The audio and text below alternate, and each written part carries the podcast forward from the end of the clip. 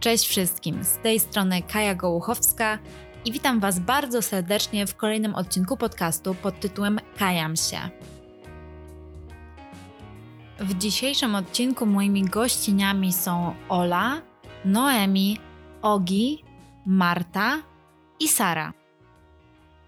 W pierwszej kolejności chcę Wam bardzo podziękować, że znalazłyście dla mnie i dla naszych słuchaczy czas. Spotykamy się po premierze Waszego wspólnego filmu hashtag Don't Call Me Murzyn, którego pierwsza część została opublikowana dzisiaj na YouTubie. Zdecydowanie zachęcam wszystkich do obejrzenia. To jest naprawdę sztuka przeprowadzić e, rozmowę tak ciekawą, tak kulturalną i szczerą.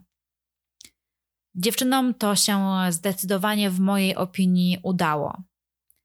Przed naszym podcastem obejrzałam sobie Waszą rozmowę jeszcze raz i wynotowałam kilka rzeczy, o które chciałabym Was e, dopytać.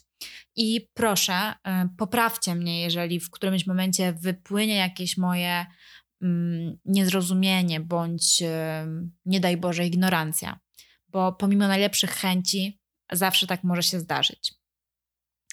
Pierwsze pytanie rzucam w eter, tak naprawdę do każdej z Was. E, dzisiaj podczas pisania e, tekstu zdałam sobie sprawę, że tak naprawdę na poziomie państwowym, można by powiedzieć, e, na tak szeroką skalę, jak to ma miejsce w tym momencie, znaczy ja się nie łudzę i wiem, że to nadal jest kilka procent Polaków, ale nadal na dość szeroką skalę, my zaczęliśmy rozmawiać o rasie w Polsce. I czy to nie jest dla Was szokujące, że tak ważna rozmowa społeczna dopiero teraz zaczyna się odbywać na szerszą skalę? Jest bardzo szokujące, ponieważ każda z nas ma powyżej 20 lat, więc zakładamy, że nasi ojcowie lub nasze mamy mm, przyjechali tutaj co najmniej 20-30 lat temu. Więc w sumie myślę, że każda z nas zadaje sobie pytanie, jak to możliwe, że mm, tylu ludzi wciąż ma problem z, z naszą obecnością w przestrzeni publicznej, e, problem z tym, jak się do nas zwracać, skoro przecież nie jesteśmy pierwszym pokoleniem, które tutaj mieszka. Ty, Sara, mówiłaś w waszym filmie o tym, że też Polacy i ogólnie ludzie mają problem z tym, jak reagować na zachowania rasistowskie. Więc chciałabym się Ciebie zapytać, wiem, że to jest trudne, jak ty byś opisała takie modelowe zachowanie? Jesteście, nie wiem, w grupie znajomych i nagle ktoś e, rzuca tekst, który no, na przykład już e, korzystając z tego tytułowego słowa, e, zawiera słowo murzyn. Jak powinniśmy my, jako osoby, które chcą być sojusznikami, się zachować? Po pierwsze powiem o tym, jak ja się powinnam zachować, bo to dla mnie wcale nie jest łatwa sytuacja. Nie jest łatwa mm, w takim sensie, że też nie zawsze e, wiedziałam, e, jak mam się zachować, bo oczywiście ja chciałam przynależeć do grupy i myślę, że każda z nas może się tutaj odnieść mm, więc czasami łatwiej mi było sama z siebie e, jakby zrobić żart, sama z siebie zażartować, e, ale potem wchodziłam do domu i płakałam. Płakałam dlatego, że hmm, dlatego że wiedziałam, że to nie jest w porządku, że to, co um, mówią ludzie um, i jakie słowa do mnie kierują, um, nie są w porządku, ale nie miałam w sobie tyle siły jako dziewczynka, jako nastolatka, a już nawet na, na studiach, na uczelni na pierwszym, drugim, trzecim roku, mm, nie miałam w sobie tej siły przebicia. Czyli gdybym jeszcze raz mogła pójść na pierwszy rok i gdyby ktoś powiedział e, do mnie jakiś, e, albo rzucił w moją stronę jakiś rasistowski komentarz, albo e, użyłby do mnie słowa murzyn, powiedziałabym, że po prostu nie życzę sobie, żeby ktoś się tak do mnie zwracał. Jest parę innych określeń, jeżeli już w ogóle musimy rasowo się zwracać, bo przecież nie mówię, nie, nie powiedziałabym do ciebie, ej, ty biała, tak? Nie, nie mówię, przepraszam, Kaja, tak, albo jakkolwiek inaczej, przecież nie zwracamy się na, na co dzień do siebie rasami, więc mm, nie rozumiem czemu jakby e, niektórzy tak usilnie się tego słowa murzyn trzymają. E, więc jeśli chodzi o mnie, to na pewno poprosiłabym, żeby ktoś przestał go używać i dałabym mu alternatywę. Jeśli chodzi o moich znajomych, to to jest bardzo dla mnie trudny mm, temat, bo mam mnóstwo osób mi bliskich, które po prostu same też nie wiedzą, co mają powiedzieć. Ja wiem, że oni absolutnie nie popierają tego, gdy ktoś się do mnie zwraca w rasistowski sposób, ale oni czasami mi się wydaje, że są też zszokowani, że ktoś może taką dużą wagę przykładać do tego, że ja mam inny kolor skóry. Mm, I jeśli moi znajomi będą tego um, słuchać, i też inne postronne osoby, które mają w swoim otoczeniu osobę ciemnoskórą, e, to chyba prosiłabym te osoby, żeby reagowały, żeby powiedziały jakby agresorowi, e, słuchaj, to nie jest okej, okay. ona sobie, on, ona nie życzą sobie, żeby się tak do nich zwracać i przestań, bo nie jest to śmieszne, nie jest to fajne i na pewno nie jest to przyjemne dla osób czarnoskórych. Ja bym miała w takiej e, sytuacji obawę, że też nie chciałabym przemawiać za ciebie. Załóżmy, ja jestem tą znajomą, która zdaje sobie sprawę z tego, że słowo murzyn jest niestosowne i jesteśmy w takiej sytuacji i też nie, chciało, nie chciałabym, żeby było tak, że mówię, ej, ona sobie tego nie życzy i że jakby przemawiam za ciebie. To by był taki mój problem. Mhm.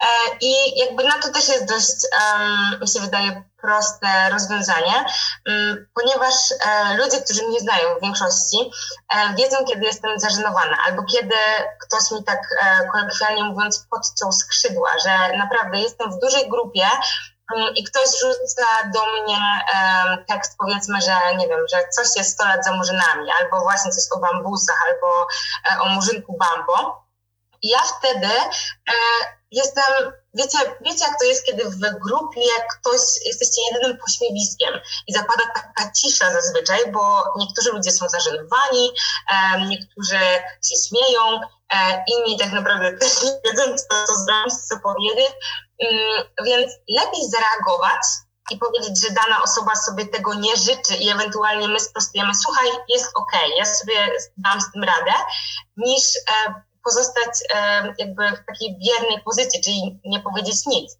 Bo my jesteśmy zazwyczaj jednostkami no, otoczonymi przez ludzi o innych, jakby o no, białym odcieniu skóry, tak? Tak jak nawet dzisiaj zwróciliśmy uwagę, że chyba pierwszy raz jesteś w takiej mniejszości, ty o jasnym kolorze skóry i my ciemnoskórę. Także lepiej zawsze zareagować i jakby spytać się nawet danej ciemnoskórej osoby, ej, wszystko ok, jakby popieram to, co mówisz, jestem tutaj i jakby co możesz na mnie liczyć. Ola, czy chciałaś coś dodać? Bo widziałam, że tak podnosiłaś rękę.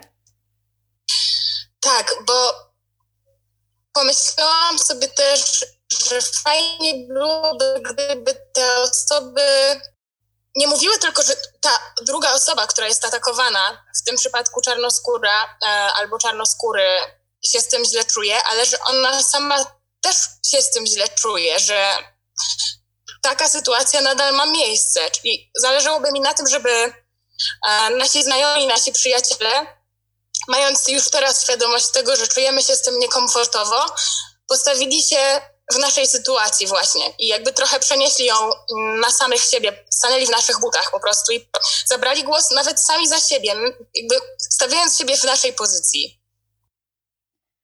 Ola, do ciebie jeszcze wrócimy, ale teraz chciałabym e, podpytać e, Noemi o coś, ponieważ ona e, w waszym filmie powiedziała coś bardzo interesującego o sytuacji w przedszkolu, gdzie jeden z jej wychowanków zapytał się o to, dlaczego część e, dzieci ma inny kolor skóry. I tutaj um, akurat miała miejsce taka sytuacja, że ty nie zdążyłaś zareagować, więc od, odpowiedź od innej pani przedszkolanki była taka, że po prostu oni wypili za dużo kawy. E, I mam wrażenie, że taki mm, duży problem to jest właśnie w braku tej wiedzy i w braku posiadania odpowiednich mm, też informacji, ale też słów, bo to też pojawiło się już w tej wypowiedzi Sary, że często te osoby, które nawet chciałyby być taktowne, one nie wiedzą, jak, z jakich słów korzystać. Więc chciałabym się, Ciebie dopytać, gdybyś miała szansę wytłumaczyć drugi raz temu wychowankowi, e, dlaczego część dzieci ma inny kolor skóry, to jak byś to wytłumaczyła i też jakie słowa według ciebie są najlepsze, by komunikować kolor skóry, o ile w ogóle musimy to robić, bo to trzeba podkreślić, że to powinno być kontekstualne. Wiesz, w rozmowie z dziećmi ważne jest to, żeby przede wszystkim być szczerym, e, dlatego że dzieci wszystko chłoną jak gąbki i wszystko powtarzają. Więc to, co mówimy dzieciom, tak naprawdę później trafi też i dorosłych. I od dzieci można się bardzo dużo uczyć, uwierz mi, bardzo dużo. E, więc przede wszystkim w rozmowie z dziećmi używamy prostych słów. Możemy używać porównań. E, wiesz, mówię to na swoim przykładzie, bo ja z dziećmi dalej pracuję. I w dobie tego, co się teraz dzieje, w dobie e, tego, tego wylewu rasizmu, ale może nie tyle co wylewu rasizmu, ale tego wylewu rozmów o rasizmie, to dzieci zaczęły zadawać pytania. Dzieci zaczęły zauważać, y, one słyszą to, co się dzieje, słyszą rozmowy dorosłych, zadają pytania. I dzieci, z którymi ja pracuję, też zadają pytania. Więc powiem ci, y, po prostu powiem ci, jak ja z nimi rozmawiałam, bo zostałam poproszona przez rodziców, bo rodzice też nie chcieli popełnić jakiegoś fopa, nie wiedzieli, jak taką rozmowę zacząć, więc odesłali dzieci do mnie, do eksperta. Mogłoby się wydawać. Nie, nie, nie jestem ekspertem w tych sprawach, e, ale doświadczam tego wszystkiego na własnej skórze, więc jest mi pewnie o tym łatwiej mówić. E, my po prostu z dziewczynkami usiadłyśmy E, wyciągnęłyśmy, wyciągnęłyśmy książki, bo one lubiłam czytać. I na zasadzie coś ci pokażę. Otwierałyśmy, otwierałyśmy poszczególne książki i oglądałyśmy obrazki, w których były różne dzieci, różni ludzie, nie tylko dzieci, e, różne postaci z bajek. To były głównie polskie bajki, również wiersze. Z pominięciem wiersza Juliana Cywima o Murzynku Bambo bo tego wiersza do tej pory one nie usłyszały i z moich ust na pewno go nie usłyszą. E, I e, oglądałyśmy, oglądałyśmy obrazki, oglądałyśmy te dzieci w, w książkach i zapytałam jedną z dziewczynek, czy widzi jakąś różnicę między tymi dziećmi a tymi dziećmi. Wzruszyła ramionami, powiedziała, że no nie. Jedno dziecko było czarne, drugie dziecko Drugie dziecko było z, z polskiej książki, to było, to było e, Martynka, tak się nazywała ta dziewczynka, ta postać. Blondynka. No i mówię, no chwilę, ja widzę różnicę, ty nie widzisz różnicy? E, I tak spojrzała na mnie i powiedziała, ta wygląda bardziej jak ty. Czyli zauważyła różnicę. Jest różnica, ale nie powiedziała, ta jest murzynem albo ta jest czarna. E, Pierwsza, oczywiście, to była pierwsza rzecz, którą zobaczyła, inny kolor skóry, tak? Ale nie powiedziała tego, ta ma inny kolor skóry, tylko powiedziała, ta wygląda bardziej jak ty. I super. I zaczęłyśmy rozmowę. Bo nam to, co my widzimy, to jest to, co my widzimy. Dzieci widzą zupełnie inne rzeczy. Często jest tak, że, że nie zauważają tego, że ktoś jest rudy, ktoś jest gruby, ktoś jest chudy. One tego nie widzą, widzą po prostu człowieka. Więc też um, takie dzieci, które za mną gdzieś tam, kiedy ja byłam dzieckiem, krzyczały murzyn, murzyn, no to, to nie były dzieci, które sobie wymyśliły to słowo, które zobaczyły to słowo. One gdzieś musiały je usłyszeć. No i wiadomo, że przykład idzie z góry, więc na pewno usłyszały od kogoś, od kogoś dorosłego. Jeszcze chciałabym dopytać o te słowa, bo um, mamy takie słowa jak czarnoskóry, mamy takie słowa jak ciemnoskóry i one też myślę, że dla niektórych przynajmniej wydają się problematyczne. Myślę, że przede wszystkim dlatego, że nie mówimy białoskóry, tylko zakładamy tak z defaultu, że jeżeli o kimś mówimy, to ta osoba jest biała. Chyba zresztą Michelle Obama w jakiejś swojej książce, chyba w Becoming, um, pisała o tym, że jak czytamy książkę i jest napisane człowiek wszedł do e, pomieszczenia, to wiemy, że to jest biały człowiek, a dopiero jak mamy napisane, że czarny człowiek wszedł do pomieszczenia, to dopiero wtedy e, myślimy jakby o kolorze skóry tej osoby. Więc e, powiedzcie mi, jak sobie na poziomie lingwistycznym, i tu chodzi o język polski, bo u nas naprawdę ta rozmowa jest nowa. Tak jak w angielskim mamy już pewne zasady, y, jakie słowa można wykorzystywać, jakie słowa, których słów nie można wykorzystywać. Jakimi słowami posługiwać się w języku polskim, żeby odnosić się z szacunkiem do drugiego człowieka?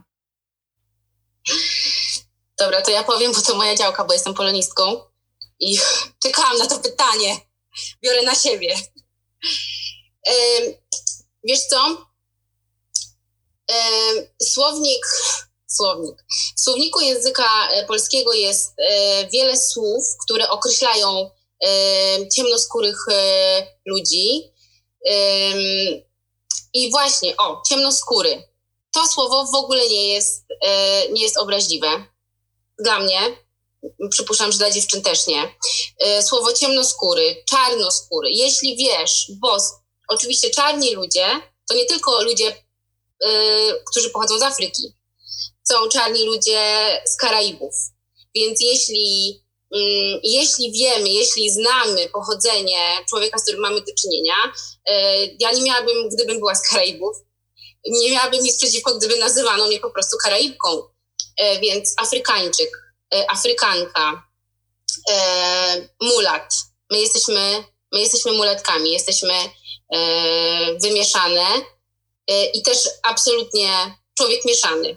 Absolutnie też nie, nie obraża mnie to określenie, no bo jestem, jestem mieszana, jestem tak samo biała, jak i czarna, ale nikt nie powie, nikt nie nazwie mnie biało-czarną, um,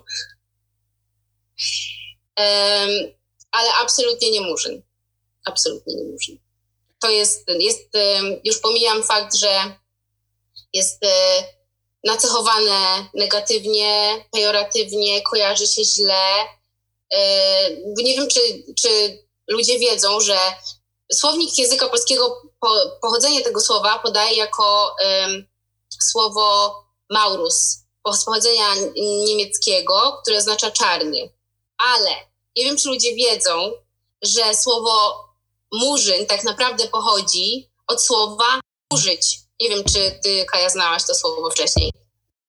Znaczy, słyszałam te interpretacje, bo ostatnio po prostu ze specjalistami od słownika języka polskiego na moim profilu, po tym jak napisałam, że nie używam słowa e, na M, to, to toczyłam batalię, więc w tym czasie musiałam, że tak powiem, zdobyć wiedzę o etymologii, ale tak jak e, ja też o tym mówiłam, że moglibyśmy się, nie wiem, kłócić o to, skąd to słowo pochodzi. Jeżeli ktoś mi mówi, że to słowo jest y, dla niego obraźliwe, to ja naprawdę nie muszę sięgać do pochodzenia tego słowa, żeby udowadniać sobie, że mam przestać je wykorzystywać, ale to tak na marginesie. No tak, bo wiesz, tak sobie rozmawiałyśmy z dziewczynami też um, o tym, że jeśli jesteś w jakimś towarzystwie ludzi, którzy cię szanują, jesteś w towarzystwie ludzi, inteligentnych ludzi na poziomie, ktoś sobie z ciebie zażartuje, bo jesteś bardzo niska, ktoś cię nazwie karłem, e, kurduplem. E, i tobie się to określenie nie spodoba i powiesz głośno, że mi się to nie podoba, no nie nazywajcie mnie tak, to po prostu osoby, które, na który, którym na tobie zależy, osoby, osoby które cię szanują, przestaną tak do ciebie mówić. Więc jeśli my mówimy głośno, że nie, słowo murzyn nas obraża, obraża nas, obrażało naszych ojców, naszych przodków, nie chcemy być tak nazywani i ktoś ci powie, ale ja wiem lepiej, mimo tego, że nie jestem, nie jestem czarny, nie jestem mulatem, nie mam mm, czarnych korzeni, po prostu to słowo podoba mi się, będę tak na ciebie mówić, bo wszystko to już świadczy o tej drugiej osobie jego szacunku do twojej osoby.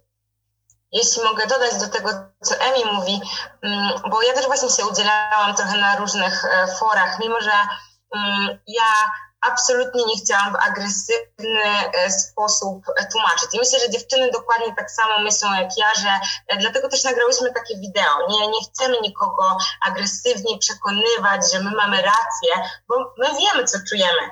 Tylko e, naszym zamysłem było jakby, jakby wytłumaczenie e, Wam, ludziom, wszyscy, wszystkim, którzy jakby odsłuchali wideo i odsłuchają ten podcast, e, co my czujemy. I jeżeli nawet Wy nadal się upieracie przy tym, że okej, okay, ale mm, w słowniku języka polskiego murzyn e, jest neutralnym, to po prostu prosimy o to, żebyście uszanowali nasze odczucia, bo nie znam żadnej ciemnoskórej, czarnoskórej e, osoby, e, która byłaby ok ze słowem murzyn. Słowem e, problematycznym jest też mulat. Wiem, że wy z niego korzystacie i też jak rozmawiałam z moją koleżanką Martą Baczewską, to ona mówiła, że jakby to słowo jest dla niej ok. Wiem, że w języku na przykład angielskim ono nie jest ok.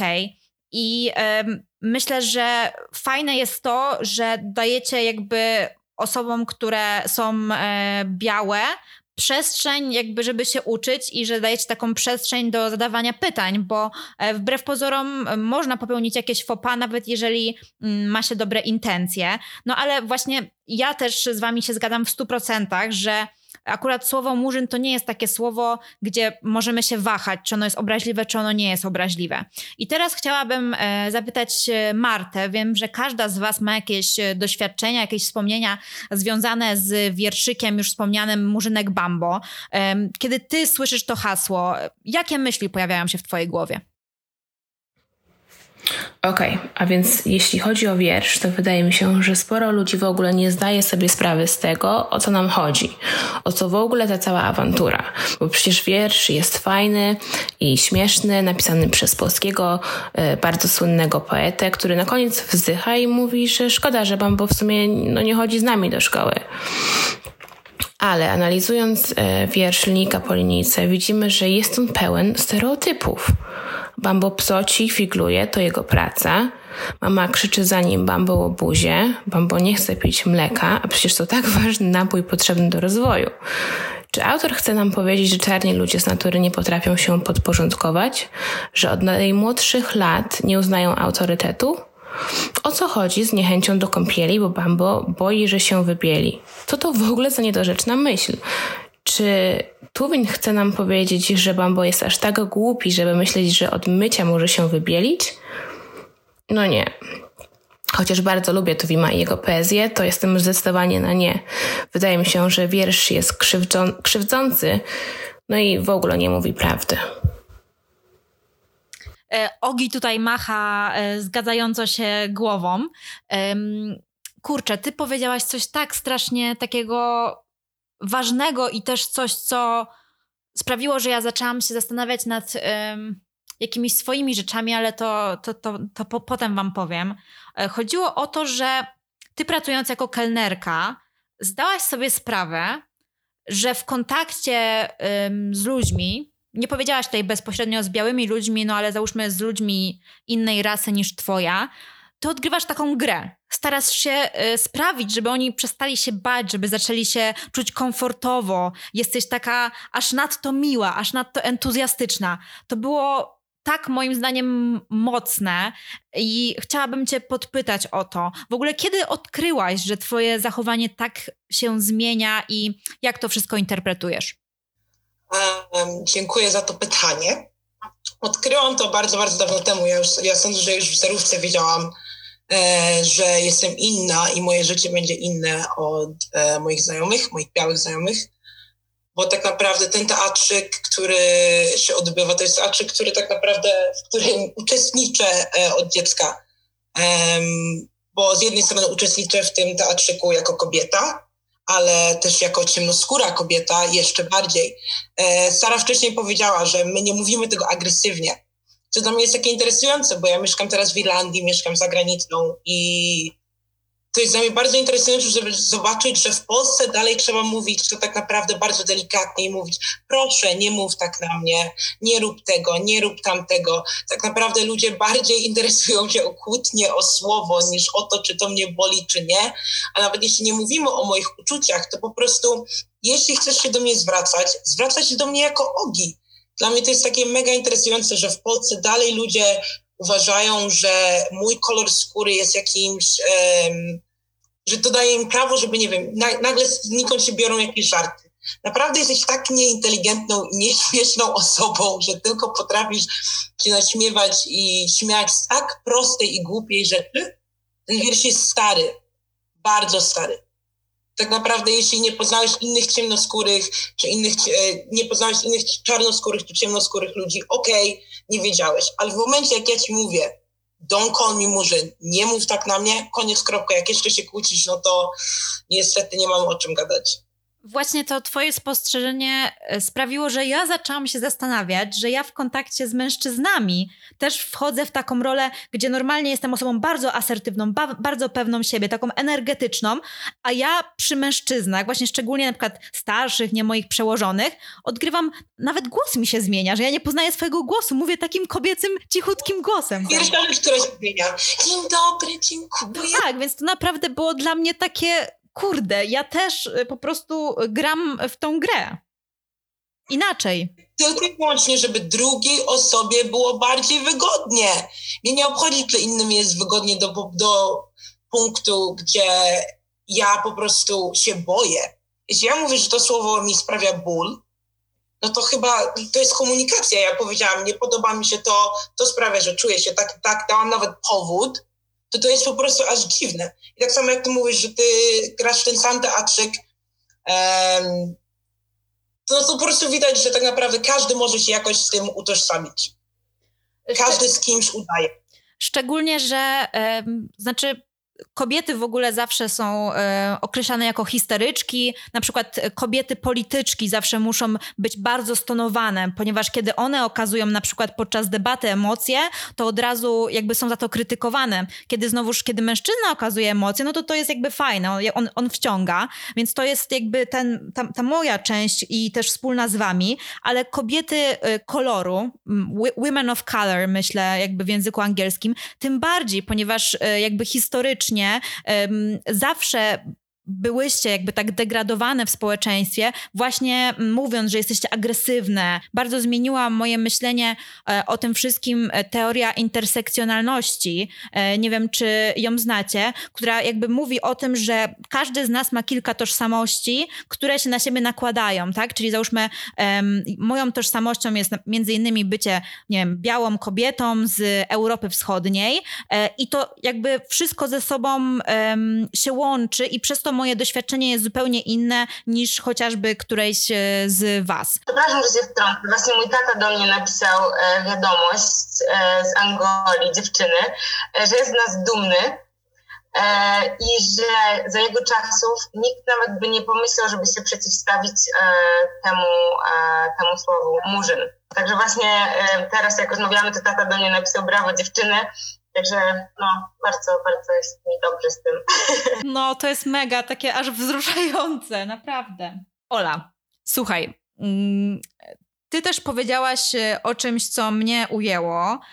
Mm, I o czym też zresztą wspomniała e, Sara w odpowiedzi na to moje pierwsze pytanie, mm, że żartowałaś sama siebie, chcąc sprawić, żeby to nie było jakby no nie wiem, czy udając, że to nie było bolesne, czy chcąc się dostosować, czy starając się nie zrobić problemu, jak to często się staramy. I też mówiłaś o swoich doświadczeniach e, przemocy, o plucia chociażby na ulicy. Mm, wiem, że też są osoby, e, które są ciemnoskóre, które uważają, że korzystanie z tego słowa jest ok, ponieważ takie głosy gdzieś tam też się e, pojawiły.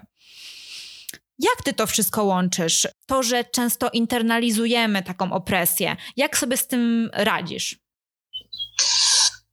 No więc e, zaczynam sobie z tym radzić teraz. tak naprawdę ja przez bardzo długi czas w ogóle nie werbalizowałam tego, co mnie spotykało, co mnie dotykało, że mnie to bolało, że sprawiało mi to przykrość.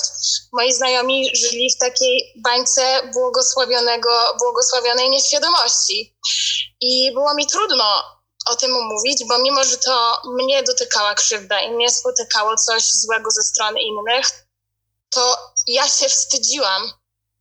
I to ja czułam się winna i to ja czułam się inna, gorsza, taka, która musi zasłużyć i właśnie musi się dopasować i dostosować.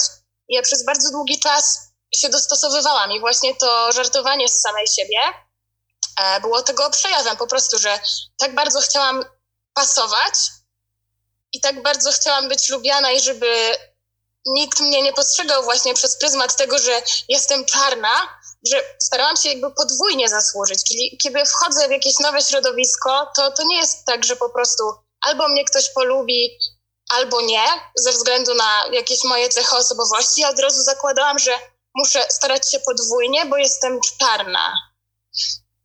bo w pewien sposób tak też no ja jakby wychowywałam się w Polsce, wśród, um, od dzieciństwa mieszkam w Polsce cały czas. I wśród tylko białych osób, tak na dobrą sprawę, e, dla mojej rodziny, dla niektórych członków mojej rodziny to też nie było łatwe, że ja jestem ciemnoskóra, zwłaszcza, że moja rodzina pochodziła z małego miasteczka, z rodzina nauczycielska, więc wszyscy jakby znali członków mojej rodziny. No i to było dosyć trudne do przełknięcia dla nich, więc jak Wiem, że to było z miłości. Moi na przykład dziadkowie bardzo się bali o mnie, o moje bezpieczeństwo, ale dawali mi taką informację gdzieś podświadomie. Słuchaj, uważaj, nie wychylaj się, jakby jesteś inna, więc watch yourself, miej się na baczności. No i ja z taką informacją poszłam w świat. Więc dopiero teraz zaczynam sobie w jakiś sposób z tym radzić. Nie wiem, czy to odpowiada na Twoje pytanie. Myślę, że w ogóle Polska jest bardzo specyficznym miejscem na świecie. Nie wiem, czy jest drugi tak mało różnorodny kraj, bo u nas ani nie ma różnorodności, jeżeli chodzi o język, ani nie ma różnorodności, jeżeli chodzi właśnie o rasę, ani nie ma różnorodności, jeżeli chodzi o e, religię. I oczywiście to jest jakoś pokłosie e, wydarzeń historycznych, w szczególności II wojny światowej, bo wcześniej Polska była różnorodnym krajem, więc w ogóle istniemy w takiej bańce sztucznej nieróżnorodności. Więc to, moim zdaniem to jest sytuacja tak specyficzna i operowanie w tym wszystkim, i ci twoi bliscy, którzy właśnie pewnie mieli dobre intencje, tylko po prostu było dla nich trudne. No to jest bardzo skomplikowane. Ja nawet przez pamiętam, że jak miałam ze 3-4 lata, to mówiłam do swojej babci, babciu, a jak ja już kiedyś będę biała, bo to było dla mnie tak naturalne. Tak, widzę, Ogi, robisz ogromne oczy, ale to jakby, no miałam ze 3-4 lata i już na tamtym etapie swojego życia to, czego doświadczałam, powodowało, że ja po prostu pragnęłam być biała, normalna, taka jak wszyscy dookoła. Ja też, słuchajcie, nie widziałam w książeczkach jakichś, ani w bajkach swoich reprezentantów. I na przykład, co jest dla mnie dziwne, że w Polsce jeszcze dotychczas, no bo ja nadal mieszkam w Polsce, e, jest pod tym względem bardzo mała różnorodność. I na przykład mój syn też nie widzi reprezentantów swoich w książkach, które są dostępne na polskim rynku, tak mainstreamowo, tak bym powiedziała, w każdej przydrożnej e, księgarni. E, I to jest dla mnie problem też, jakby chciałabym go zmienić. Widziałam, że Noemi machała głową, e, kiedy mówiłaś o tym, że chcesz być biała, jak, chciałaś być biała, jak dorośniesz. Też miałaś podobne myśli? Wiesz, ja nie zapomnę, jak jako dziecko byłam świadkiem wielu szykanowań e, w kierunku mojego taty, bo chciałam zaznaczyć taką ważną rzecz, że my do pewnego momentu jesteśmy takimi maskotkami. Przepraszam za to określenie dziewczyny, ale taka jest prawda. Jesteśmy, kiedy mulaci, mieszane dzieci są, są dziećmi, są małe, to taka reakcja e, na nasz to jest pozytywna raczej. Ludzie e, zatrzymują się na ulicy. Pamiętam, kiedy mm, my chodziliśmy ulicami z rodzicami i słyszałam pod swoim, pod swoim adresem tyle pozytywnych e, zdań. Moja mama się śmieje, że byłam zakochanym w sobie dzieckiem, bo chodziłam i mówiłam, że wszyscy mówią, że jestem taka piękna. No to jestem taka piękna, skoro wszyscy tak na ulicy mówią. E, I pod moim, pod moim adresem, jako malutkie dziecko, pamiętam, że padały bardzo fajne, e, pozytywne zdania, określenia. E, I jak dorastamy, to w pewnym momencie to się zaczyna zacierać. I wiecie, trafiłam na taki mem wczoraj, dzisiaj, nieważne. Na tym, na tym memie było, to było zdjęcie chłopca, czarnego chłopca, który miał napis, miał transparent w ręce, który głosił, gdzie um, już teraz nie pamiętam dokładnie, ale coś na zasadzie, gdzie kończy się um, to moje bycie uroczym, a gdzie zaczyna się bycie terrorystą. czy coś, coś w tym rodzaju. Więc ja to zobaczyłam, czy przestępcą, nie terrorystą, tylko przestępcą. Więc y, zobaczyłam to i, i uśmiechnęłam się do siebie z takim zażenowaniem, bo to jest the story of my life. Y, do pewnego momentu byłam takim, no, taką maskotką, a y, jak już zaczęłam dojrzewać, y, zaczęłam stawać się kobietą, to pod swoim adresem słyszałam na ulicy mnóstwo różnych nieprzyzwoitych rzeczy też ale chciałabym wrócić do kwestii mojego ojca, który no, te 30, ponad 30, 40 lat temu przyjechał do Polski na studia i był, w ogóle był pierwszym Angolańczykiem, który, jednym z pierwszych Angoleńczyków, którzy przyjechali do, do Polski na studia i z jakim on rasizmem musiał się zmagać. On nie był dla nikogo cute. Dla nie, na niego wszyscy patrzyli, e, też słyszał, e, też słyszał pod swoim adresem wiele nieprzychylnych e, zdań.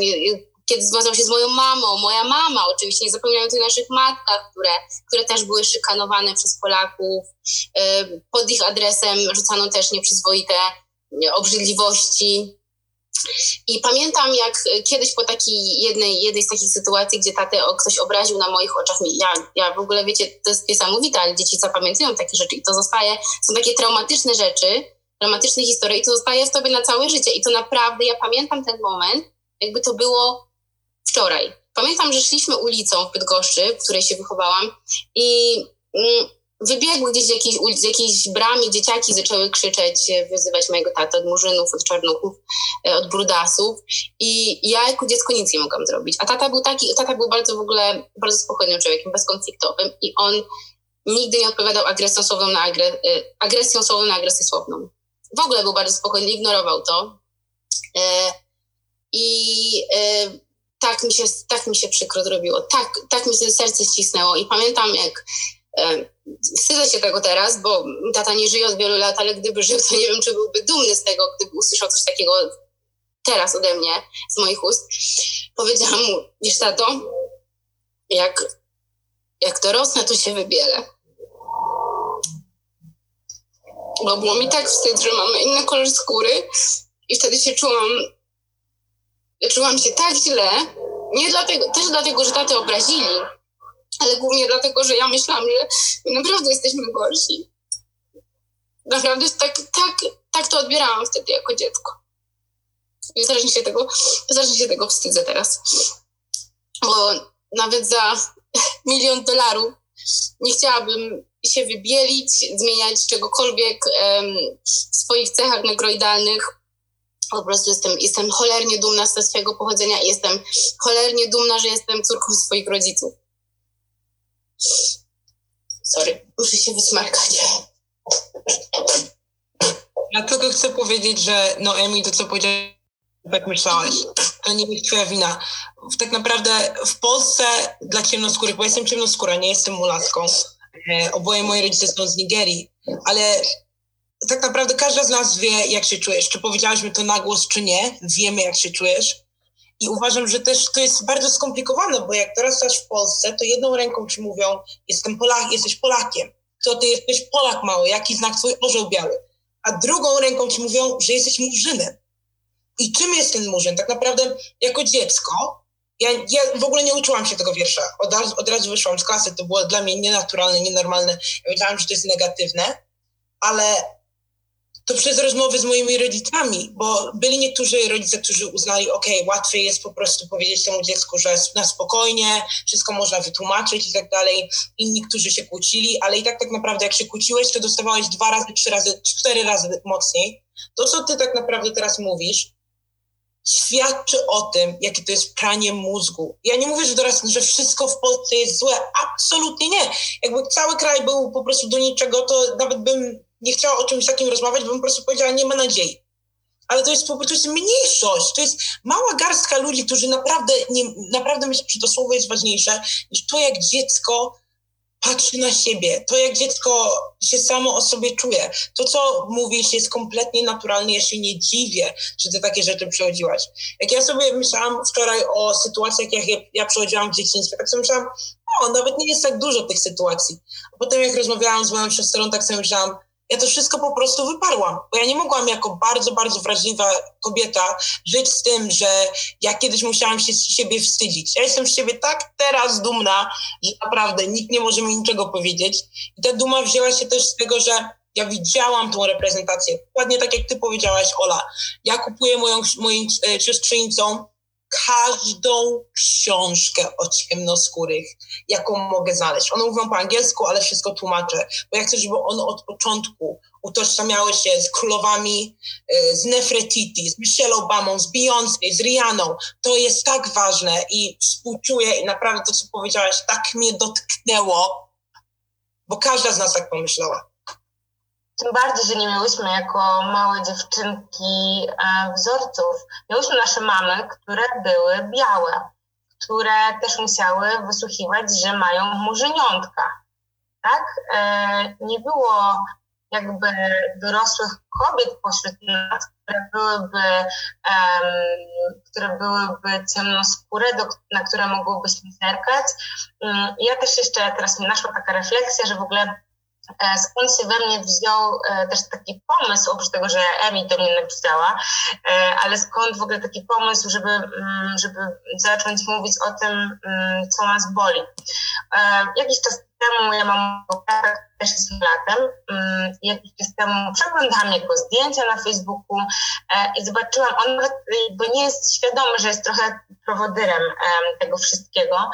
Przeglądałam jego zdjęcia na Facebooku I zauważyłam, że pod każdym zdjęciem jego koledzy komentują o Bambo, ależ się opalił, o Murzynie. Mm, I on sam sobie tak pisał. I ja sobie pomyślałam, hola, coś tutaj jest nie tak. Jakby czemu on nie napisze, słuchajcie, to nie jest śmieszne, nie nazywajcie mnie tak. E, ale potem sobie pomyślałam, no tak, ale co ja robię na uczelni? Ktoś e, mówi do mnie, e, że jestem murzynką, albo że, tak jak mówiłyśmy zresztą w tym wideo, że e, nie wiem, czymś się zachwycam, a właśnie ktoś mówi, no tak, tego nie ma w Afryce, tak? Mm, ja nie odpowiadam na to, ja nie podejmuję jakby mm, dyskusji, chowam głowę w piasek, może już nie, może jakiś czas temu tak się działo, więc jakby też chcę o tym wszystkim powiedzieć mm, i potem chcę powiedzieć mojemu młodszemu bratu, że jakby tak, to nie jest okej. Okay to, że chcemy przynależeć, jest zrozumiałe, ale nie za wszelką cenę. I po prostu pewnych ludzi lepiej odciąć, bo my musimy znać swoją wartość bez względu na wszystko. A kolor skóry na pewno nie jest żadnym wyznacznikiem tego, jakimi jesteśmy ludźmi. Słucham Was i sobie tak myślę, że to jest chyba jedna z ważniejszych rozmów, które przeprowadziłam w życiu, serio. I mega Wam, mega wam dziękuję za to. Ech bardzo Wam dziękuję, naprawdę. Mm. Może jeszcze mm, takie trochę lżejsze tematy, znaczy lżejsze, bo mam wrażenie, że ludzie, którzy mówią murzyn i którzy nie chcą przestać korzystać z tego słowa, e, oni też po prostu nie zdają sobie sprawy ze skali problemu i że często to są takie małe rzeczy takie, których my jako ludzie biali w ogóle nie zauważamy. Dla mnie rewolucyjne to było, jak przeczytałam kilka lat temu, że przecież plastry są w kolorze mojej skóry, a nie w kolorze skóry wszystkich. I naprawdę, dla mnie to było takie, Jezu, faktycznie, nie? Ale jakby nie zastanawiasz się nad tym, jak żyjesz z tym przywilejem. I kolejną taką rzeczą, którą ja bardzo pośrednio doświadczyłam, to są kosmetyki dostępne w Polsce. Ja jako dziecko miałam e, właśnie falowane włosy. I od dziecka moja rodzina, moja mama, moja babcia e, dbały o te włosy jako włosy proste. Do tej pory pamiętam wyrywanie włosów przy rozczesywaniu na sucho. Do tej pory pamiętam korzystanie z szamponów do po prostu prostych włosów i męczenie tych włosów. I to sprawiło, że ja po prostu znienawidziłam moje włosy. Pierwsze, co zrobiłam, jak tylko mogłam, w piątej klasie podstawówki, to ja je ścięłam. To ja je po prostu ścięłam, bo ja ich nienawidziłam, a moje włosy są takie, wiecie, luźne loki, ale mimo wszystko tak wysuszają się i mają te cechy włosów, że tak powiem, falowanych. Więc chciałabym Was właśnie zapytać o te kobiece sprawy i o te małe rzeczy, które niby są błahe, ale jednak wpływają na nasze życie. Jak wyglądało Wasze doświadczenie i jak sobie z tym radziłyście? Myślę, że, nie wiem, zabieram tutaj głos, myślę, że każda z mulatek, każda z dziewczyn ciemnoskórych przechodziła przez e, coś, co nazywa się hair journey. Każdy na początku Ogi, Ogi mówi, że tak. Każdy na początku e, chce mieć włosy proste.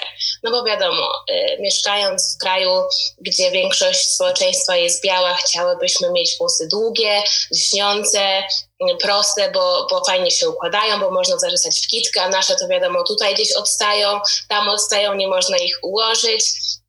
No i ogólnie jest problem. E, dorastając Polsce ja w ogóle nie pamiętam, żeby moja mama używała jakichkolwiek produktów e, do czesania moich włosów. Moje włosy były czesane przy kąpieli, na mokro e, i kończyło się to tak, że, że mama zapłatała mi całą głowę warkoczyków i te warkoczyki wystarczały na tydzień czy tam dwa, w zależności od tego, e, co robiłam w tym tygodniu, bo wiadomo, przy spaniu one się zawsze jakoś tam rozwalały, wychodziły i tak dalej. Mm, a w momencie, kiedy tutaj e, przyjechałam do Wielkiej Brytanii, odkryłam coś, co nazywa się relakser. No i znowu, relakser, e, nie wiem, e, pewnie większość z Was, tych słuchających, nie wie, co to jest. Relaksowanie włosów polega na tym, że prostuje się je chemicznie po to, żeby one były proste. I w momencie, kiedy one, one odrastają, są, wiadomo, znowu kręcone, no ale końcówki są proste. I dopiero nawet nie wiem, w którym to było momencie, ale dopiero w pewnym momencie e, na świecie powstał taki boom i każdy stwierdził, że w sumie nasze naturalne włosy... Ja się muszę wtrącić. Poznałaś mnie i to odmieniło życie twoje okay. włosów. Wiesz, że to, musiałam, przepraszam, musiałam się unmute, bo o tym trzeba powiedzieć. W pewnym momencie postanowiłam, że moje kręcone włosy są w sumie fajne i w sumie fajnie byłoby, zapuścić je i zobaczyć tak naprawdę ich cały potencjał, bo tak jak mówiłam, dorastając one cały czas były zaplecione, więc nawet nie wiedziałam, y, jak wyglądają, kiedy są y, roz, roz, rozczesane i, i kiedy się kręcą, a więc Dopiero w pewnym momencie odkryłam, że są e, różne kosmetyki, które pozwalają na to, żeby te włosy się układały tak, a nie inaczej, e, które pozwalają też na to, że czasami skręt jest inny. I wydaje mi się, że to jest mega fajne, że teraz mamy do tego dostęp, że jedę do sklepu i mogę wypróbować różnych kosmetyków, e, które pomogą mi jakby nie wstydzić się tego, że moje włosy są kręcone i że nie są proste. I to, że są kręcone, nie świadczy że, że, o tym, że są gorsze. To, to, wcale, to wcale tak nie jest. A więc od kosmetyków do e, e, włosów, do na przykład podkładów, które też już są teraz e, e, dostępne w różnych odcieniach. Już nie trzeba używać zbyt jasnego, czy zbyt pomarańczowego, czy zbyt zimnego odcienia, bo są, bo są różne i są, są dostępne.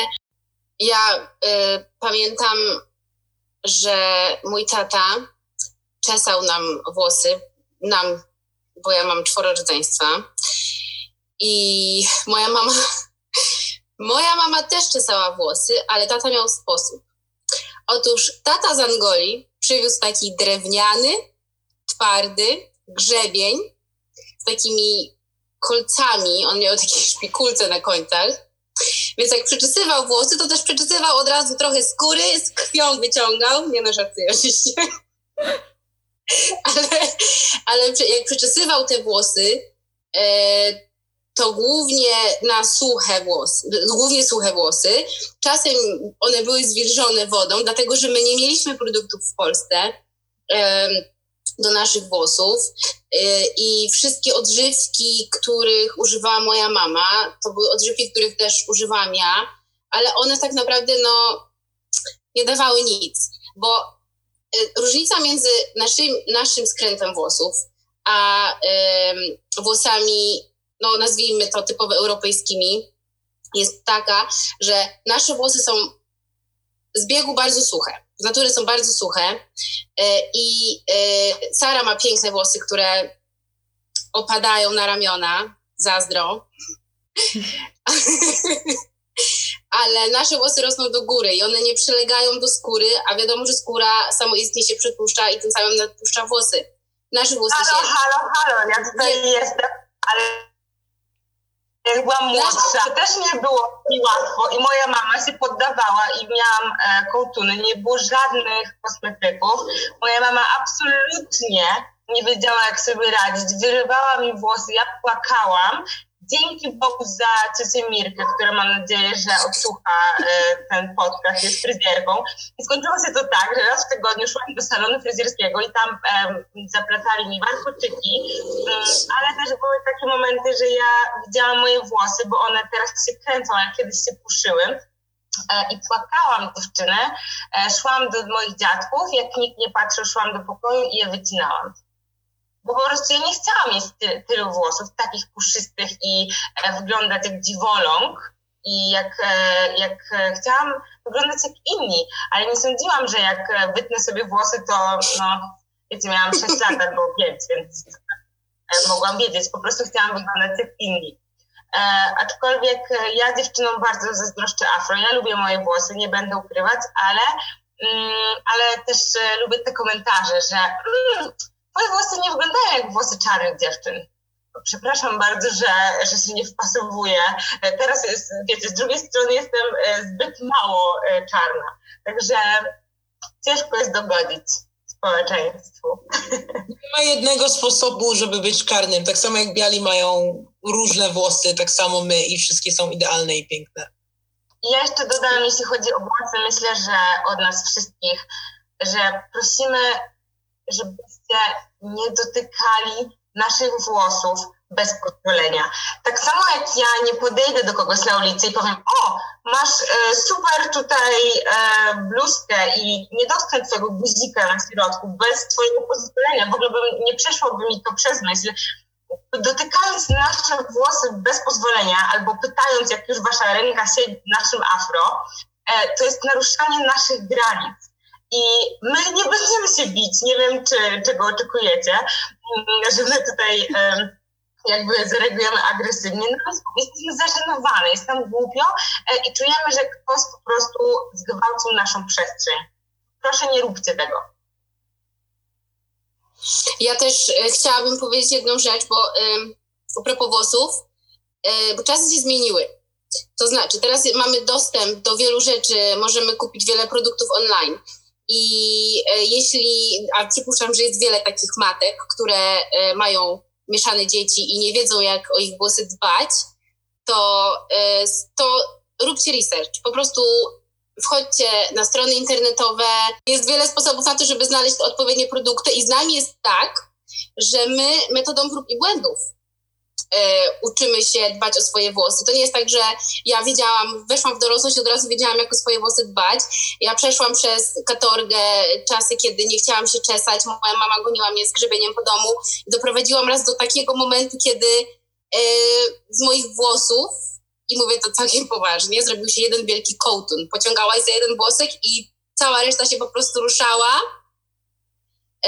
bo to był jeden duży kołtun i moja, mama, moja mama musiała mi te włosy ściąć I w, i w momencie, kiedy ona mnie ścięła, dotarło do mnie, że muszę nauczyć się o nie dbać. No i tak jak powiedziałam, metodą prób i błędów do tej pory jest tak, że my się z dziewczynami wymieniamy, prawda? Y, doświadczeniami. Jak Marta znajdzie jakiś produkt, który działa na jej włosy, od razu daje mi znać. Kiedy ja dostaję uczulenie na jakiś żel do włosów, też od razu daję jej znać. I wymieniamy się też no, doświadczeniami i dzięki temu pniemy się po szczeblach do tej doskonałości.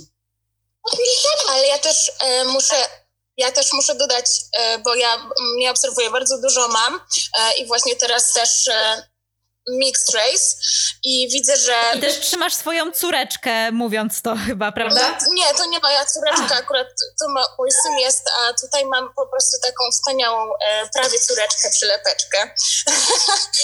e, w każdym razie to widzę, że te mamy mają już trochę łatwiej i że one bardzo się starają i robią research i tak jak mi przez całe życie na przykład mama zaplatała przepraszam, zaplatała warkoczyki po prostu, a babcia robiła na środku taką kitę, której moja mama nienawidziła, e, to teraz widzę, że wszystkie mamy są bardzo kreatywne i ja zazdroszczę tym dziewczynkom.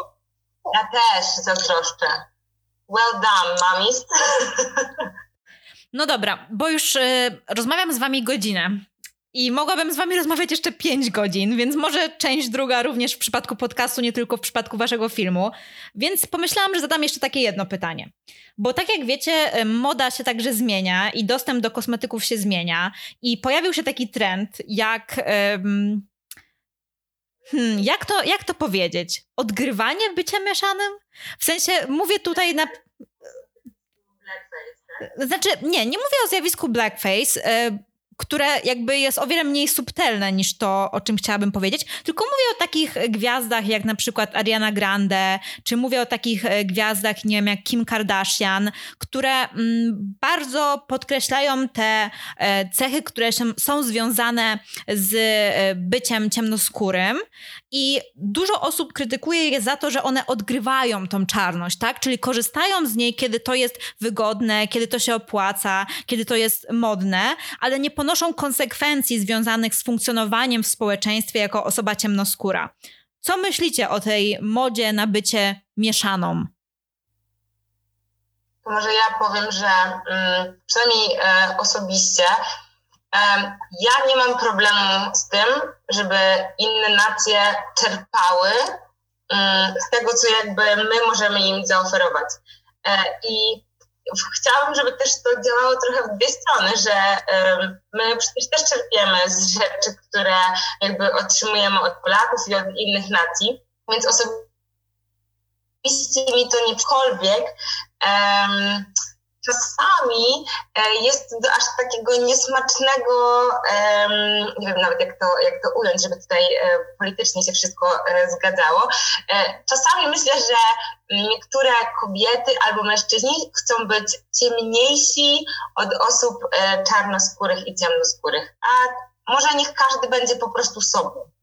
Ja tak sobie myślę, że ja w sumie nie, nie mam z tym aż takiego problemu, bo w zasadzie jakby mamy pewne takie atrybuty, których e, nie mają inne kultury i na przykład czy ktoś mógłby zarzucić osobie ciemnoskórej, że jest, stara się być za bardzo biała?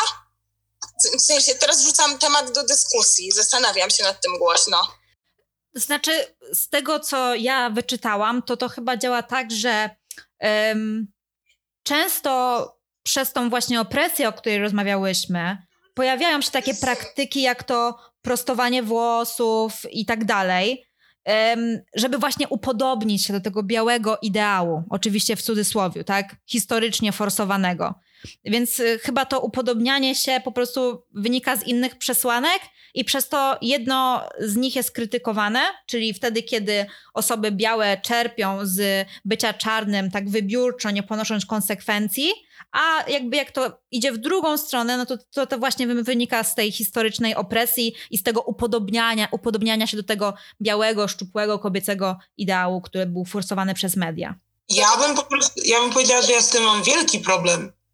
Oglądacie filmy o ciemnoskórych kobietach i ta ciemnoskóra kobieta ma białego chłopaka, to jest kobieta, która wygląda jak wy, nie jak ja. To jest kobieta, która ma włosy jak wy, nie jak ja jest kobieta, która ma włosy, które są o, ciemne, ma wszystkie najlepsze atrybuty bycia ciemnoskórym, ale nie jest, nie jest ciemna, nie jest bardzo ciemna, tym bardziej, że w Stanach Zjednoczonych kobiety, które im ciemniejsza była osoba, ja nawet nie jestem bardzo ciemna na ciemnoskórą kobietę, e, ale im ciemniejsza e, była osoba ciemnoskóra, tym większe, e, tym mniejsze miała przywileje. Przecież te ciemniejsze osoby pracowały na zewnątrz, zbierały, no, nawet nie chcę wracać do tej historii, ale znacie tą historię, a te jaśniejsze mieszkały w domu. E, I ja tak naprawdę staram się nie mieć czegoś takiego, takiego podziału między ciemnoskórymi, bo już mamy wystarczająco wiele problemów, ale to jest problem. E, do niedawna jeszcze e, musieli, do niedawna, tak naprawdę jak pomyślałem o tym, że w latach 60. w, w Belgii i tak dalej, dalej, dalej ciemnoskórzy byli w zoo za wielkie pupy. Przepraszam, ja mam z tym problem. Jak ludzie mówią, że Kim Kardashian ma najlepszą pupę na świecie, a ja e, w momencie, jak mi urosły biodra, myślałam, że koniec, naprawdę to jest to. Inne rzeczy mogłam przeżyć, ale Panie Boże, już naprawdę przesadziłeś. Moje usta, moje usta, jak, mm, jak mężczyźni mnie kiedyś widzieli i myśleli o Bóg wie czym, a teraz tak naprawdę moje usta to jest po prostu, o no idę sobie zrobić usta, to jest prościutkie, to jest fajniutkie. Ja nie mówię, że każdy ma mi dziękować za to, ale tak mam z tym problem, bo myślę sobie, to jest karykatura. I to się już, to tak naprawdę od lat to już robią, karykatury ciemnoskórych. Teraz po prostu kiedyś to, była, to było tylko yy, na pokaz, a teraz to jest Kim Kardashian ja po prostu głośno się zastanawiałam i teraz jak Ogi o tym powiedziała, to, to widzicie, to też jest też tak, że ja sobie z tego nie zdawałam aż tak bardzo sprawy. Nadal się uczę i to mi też otworzyło oczy. Możemy już pójść. Tak. Możemy już pójść.